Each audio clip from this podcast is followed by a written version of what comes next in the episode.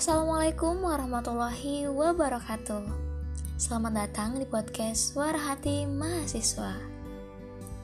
Perkenalkan nama saya Salsa Muada. Pada hari ini kita akan membahas hal-hal yang menarik tentunya. Di sini tempatnya bersama saya Salsa Muada. Kalian bisa saling curhat dan saling tukar pikiran. Tema yang akan kita bahas hari ini mengenai pendidikan dan seputar perkuliahan. Bicara tentang pendidikan, pendidikan itu memiliki arti yang sangat penting. Pendidikan adalah jembatan kita menuju kesuksesan. Pendidikan adalah proses pembelajaran, pendidikan adalah suatu ilmu yang kita pelajari. Dengan adanya pendidikan, kita dapat mempelajari dan mengetahui tentang ilmu-ilmu yang sebelumnya kita belum pelajari. Karena jika kita tidak mengetahui dan mendapatkan ilmu tersebut, kita akan mudah tertipu dan dipermainkan oleh orang lain. Dan dengan ilmu juga kita akan terhindar dari yang namanya kebodohan. Pendidikan merupakan hal yang terpenting dalam kehidupan kita semua. Setiap manusia itu berhak mendapatkan pendidikan. Pendidikan itu sendiri mempunyai arti suatu proses kehidupan dalam mengembangkan diri setiap individu untuk dapat hidup dan melangsungkan kehidupannya sehingga menjadi seseorang yang terdidik itu sangat penting.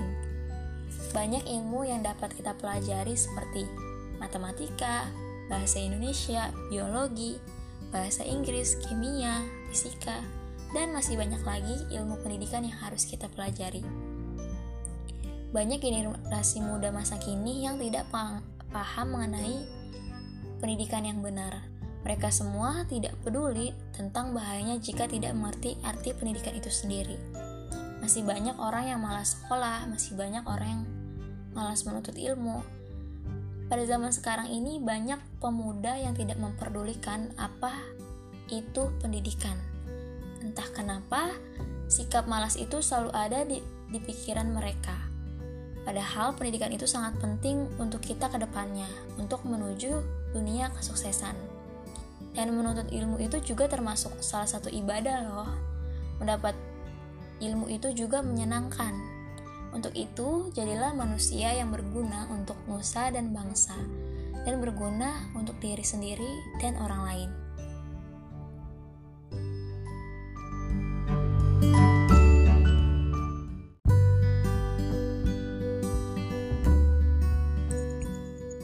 Selanjutnya, kita akan membahas bagian dari pendidikan, yaitu perkuliahan. Apakah kuliah itu penting? Nah, menurut saya, kuliah itu penting. Kenapa? Karena sebagai generasi muda, berpendidikan tinggi itu sangat penting, terlebih di zaman modern seperti sekarang ini. Cita-cita saya itu dari dulu memang ingin menjadi guru. Ditambah di zaman sekarang hampir semua pekerjaan itu menuntut kita untuk memiliki ijazah S1 atau degree sarjana. Apalagi guru gitu. Setidaknya ketika nanti kita melamar pekerjaan, ketika kita nanti bekerja, CV itu akan ada isinya, yaitu gelar kita dengan kita berkuliah, setidaknya kita mempunyai bekal untuk nanti kita akan ajarkan kepada murid-murid kita. Di perkuliahan itu berbeda dengan kita sekolah SD, SMP, SMA. Saat kita seor menjadi seorang mahasiswa, mahanya para siswa, kita dituntut untuk berpikir lebih kritis, berpikir rasional, berpikir yang sistematis ketika di SD kita diajarkan satu tambah satu itu sama dengan dua di bangku kuliah itu bukan lagi satu tambah satu sama dengan dua tapi mengapa satu ditambah satu bisa jawabannya itu dua. Jadi kita dilatih untuk menyelesaikan persoalan dengan ilmu yang kita dapatkan dengan ilmu yang kita miliki dan dengan skills yang kita miliki. Dan menurut saya Hal itu bisa didapat di bangku kuliah. Jadi, kuliah itu bukan hanya sekedar kita belajar, mengerjakan tugas, lalu dapat nilai dan ijazah saja. Tetapi bagaimana kita mengambil pengalaman-pengalaman dari proses belajar yang kita lewati selama kuliah itu dan mengaplikasikannya ke kehidupan kita. Lalu,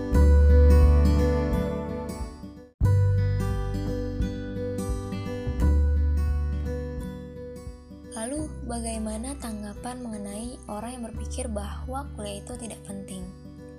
Hal itu balik lagi ke pemikiran masing-masing orang. Mungkin banyak orang yang berpikir kuliah itu tidak penting, cuma buang-buang waktu, buang-buang biaya, tapi belum tentu sukses. Banyak orang di luar sana yang bisa sukses tanpa harus kuliah. Karena memang itu sebenarnya pilihan masing-masing orang. Mereka bisa sukses dengan jalan yang berbeda-beda, asal mau belajar dan terus bekerja keras. Tetapi tidak ada salahnya ketika kalian memanfaatkan kesempatan untuk berkuliah itu malah lebih baik. Banyak juga orang yang sukses dengan pencapaian pendidikan mereka yang tinggi, karena mereka berkeinginan untuk bisa bersaing dengan orang lain dengan ilmu-ilmu yang mereka dapatkan di pendidikan, salah satunya di perkuliahan. Yang sangat disayangkan itu ketika ada orang yang berpendapat kuliah itu tidak penting karena menganggap kuliah itu pasti nanti banyak tugas. Mata kuliahnya itu pasti susah. Lalu harus dituntut bisa ini, bisa itu. Lalu nanti juga harus membuat skripsi, harus keluar biaya banyak, dan lain-lain. Jadi hanya memandang kuliah itu sebelah mata saja. Karena yang namanya belajar itu pasti susah, pasti ada tantangan, pasti ada capeknya, tapi justru dari hal itu kita dilatih menjadi pribadi yang lebih kuat lagi, pribadi yang lebih dewasa. Banyak pelajaran yang kita bisa ambil untuk menjadi bekal kita ke depannya. Untuk bisa bersaing dengan orang lain. Tidak ada yang sia-sia ketika kita mau belajar dan berusaha. Yang salah itu ketika kita tidak mau kuliah, tetapi kita juga tidak mau belajar kita tidak mau berusaha memperbaiki diri kita yang akhir-akhirnya eh, masa depan kita itu malah tidak jelas maka dari itu sebagai generasi muda sebagai generasi alpha kita harus menyadari bahwa perpendidikan tinggi itu zaman sekarang sangat penting untuk bisa bersaing dengan orang lain untuk bisa berkontribusi untuk memajukan bangsa dan untuk bisa setidaknya uh, memberikan effort untuk diri kita sendiri dari pendidikan yang kita lewati.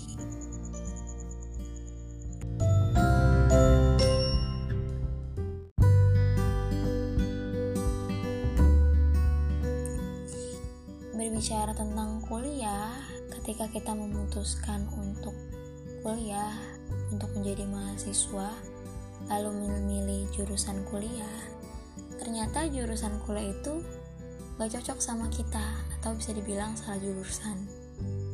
Lalu bagaimana? Ketika kita merasa tidak cocok dengan jurusan yang kita ambil, itu balik lagi ke kapasitas diri kita masing-masing. Apakah kita bisa men-challenge diri kita dengan jurusan yang sama sekali nggak cocok sama kita. Tetapi untuk urusan jurusan kuliah itu dengan pekerjaan yang kita nanti dapatkan itu berbeda, menurut aku sekarang itu di zaman sekarang itu nggak relevan kalau jurusan yang kuliah yang kita ambil harus sesuai dengan pekerjaan kita. Karena yang kita pelajari itu bukan hanya ilmu yang ada di kuliah. Kecuali seperti profesi ya kayak dok seperti dokter. Ketika dia kuliah dokter ada kemungkinan besar dia itu akan menjadi dokter juga. Jadi ilmu-ilmu yang dia dapatkan di perkuliahan itu pasti nanti akan dipakai ketika dia menjadi seorang dokter. dan menurut saya di zaman sekarang itu sebenarnya nggak harus kuliah juga bisa tetap belajar. Bisa lewat internet kan banyak yang gratis.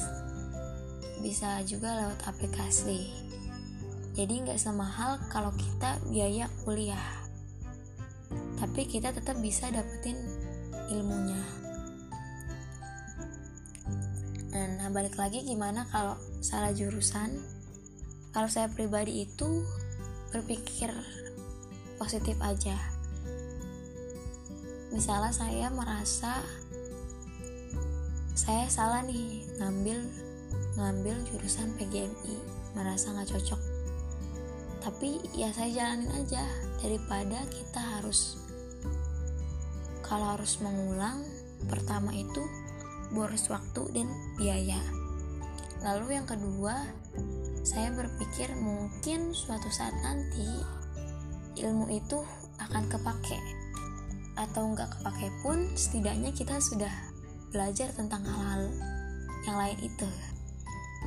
Jadi tidak perlu mikir bakal sia-sia ilmu yang kita dapatkan di kuliah meskipun kerjaan kita nantinya beda dengan jurusan yang kita ambil di kuliah. Bisa saja suatu saat nanti ilmu itu kita bisa aplikasikan ke anak-anak kita nanti. Jadi sebenarnya banyak hal yang harus kita coba selama kita masih sekolah selama kita kuliah jadi nggak ada salahnya kalau kita salah jurusan kita jalanin aja yang mungkin sekarang kita merasa itu tidak terlalu penting nah gitu. Tapi suatu saat nanti bisa aja ilmu itu akan kepake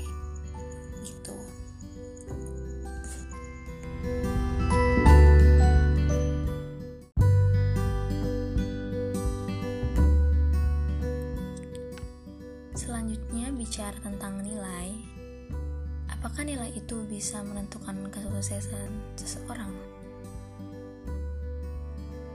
Jadi sebenarnya nilai itu penting dan tidak penting. Penting karena menjadi tolak ukur seberapa baiknya kita bisa memahami suatu pelajaran walaupun terkadang bisa mencontek. Tetapi kalau untuk di masa depan, sudah pasti ada banyak faktor yang membuat orang itu sukses. Dan takaran orang sukses itu berbeda-beda. Nilai itu menjadi penting ketika bisa menggambarkan skill seseorang. Untuk beberapa pekerjaan tertentu, nilai itu penting sekali, seperti dokter dan engineer. Ujian yang dia lakukan di kuliah itu akan dipakai saat dia kerja. Jadi nilainya itu menginterpretasikan skills mereka. Beda halnya jika nilainya itu didapetin dengan cara curang atau ujiannya itu tidak ada hubungannya dengan pekerjaannya. Misalnya, seperti saya mengambil jurusan PGMI, akhirnya pekerjaannya itu menjadi pengusaha di bidang ekonomi. Jadi nilai itu sifatnya abstrak dan tidak bisa terpakai. Karena mungkin nilainya tinggi tapi skillsnya nggak ada sebenarnya untuk situ. Itu. Contoh nilai IPK. Nilai IPK itu tidak bisa dijadikan takaran untuk kita sukses mencari pekerjaan.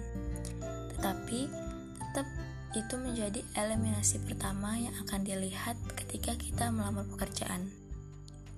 Hanya bukan menjadi satu-satunya acuan untuk kita diterima di sebuah perusahaan. Ada banyak faktor lain seperti pengalaman yang dilakukan, lalu soft skills, dan kesan kita saat interview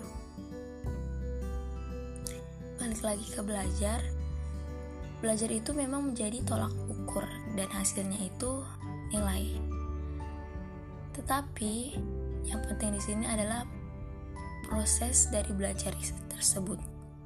Dari kita belajar pelajaran dari situ kita bisa berpikir lebih kritis berpikir lebih rasional lalu bisa merumuskan masalah.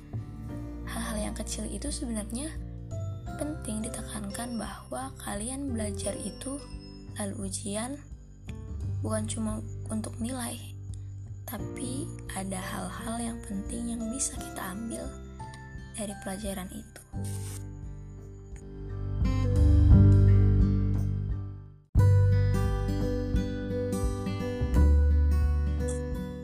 Oke lanjut, sebagai seorang mahasiswa di masa pandemi, perkuliahan itu dilakukan secara online atau daring.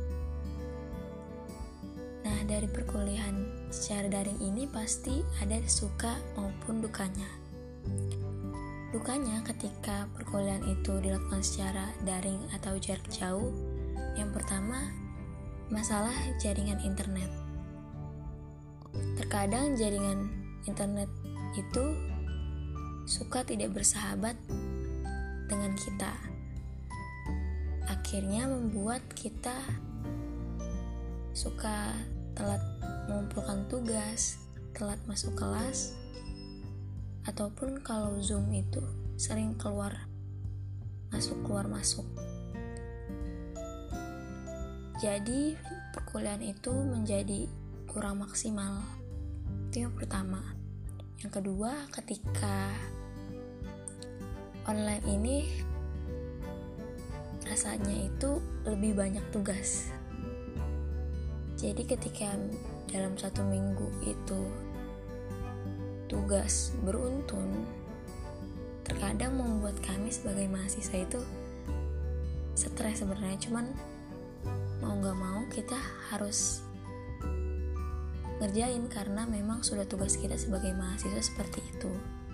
Kita harus bisa memanage waktu untuk mengerjakan tugas-tugas. Nah itu sukanya ya yang pertama tadi jaringan internet yang kurang bersahabat yang kedua stres ketika tugas banyak. Nah, untuk sukanya dengan pembelajaran online atau daring yang pertama itu kita bisa kuliah di mana saja. Bisa di rumah, bisa di kamar, ataupun di luar sekalipun. Karena kita berkuliah menggunakan kita berkuliah memanfaatkan teknologi WhatsApp, Classroom, Zoom, Google Meet, dan lain-lain. Yang kedua, kita tidak perlu uh, dandan rapi-rapi memikirkan outfit outfit untuk kuliah. Hari ini apa? Es besok apa? Tapi walaupun online juga kita harus memakai pakaian pakaian yang sopan dan rapi. Sewaktu-waktu kita harus zoom atau google meet di atau kuliah yang mengharuskan kita untuk zoom secara tatap muka secara virtual. Dan yang ketiga kita lebih hemat biaya. Karena kuliahnya di rumah jadi kita nggak tidak perlu untuk mengeluarkan biaya transport biaya jajan biaya makan ataupun biaya untuk print makalah dan sebagainya itu itu suka duka selama menjadi mahasiswa di masa pandemi dengan pembelajaran daring.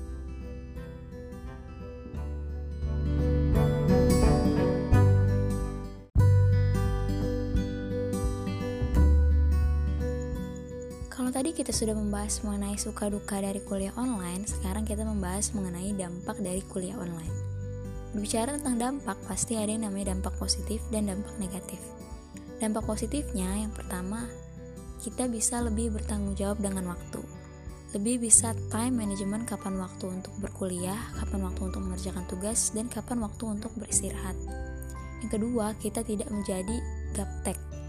Karena ketika kita kuliah online, semua itu menggunakan teknologi seperti WA, Zoom, Google Meet, Classroom, dan lain-lainnya. Jadi kita lebih bisa mengeksplor diri kita sesuai dengan perkembangan zaman. Dengan kita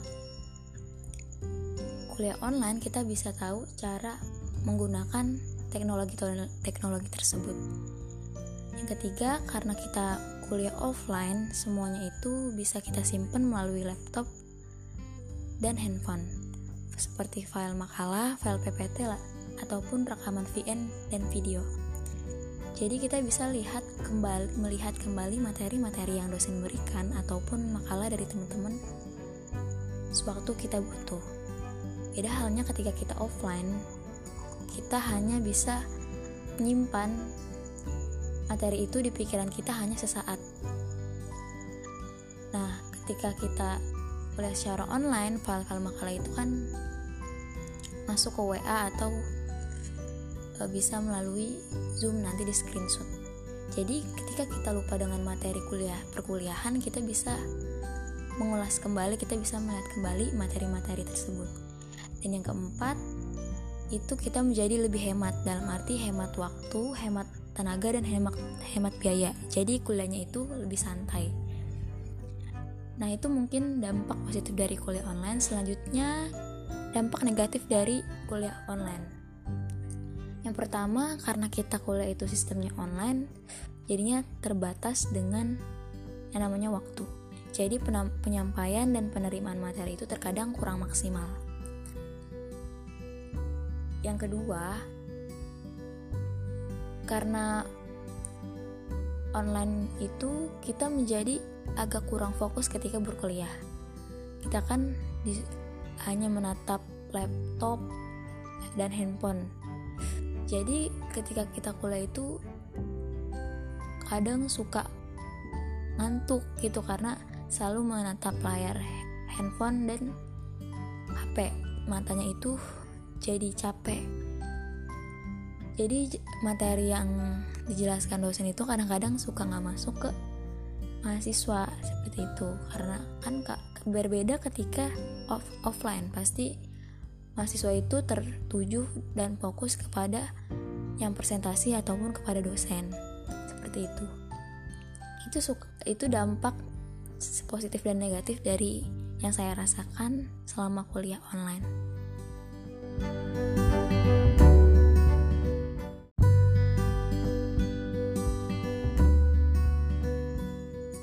Oke teman-teman, itu pembahasan mengenai pendidikan dan seputar perkuliahan. Semoga pembahasan hari ini bisa memberikan pelajaran kepada teman-teman semua. Sampai jumpa lagi di podcast Suara Hati Mahasiswa. Wassalamualaikum warahmatullahi wabarakatuh.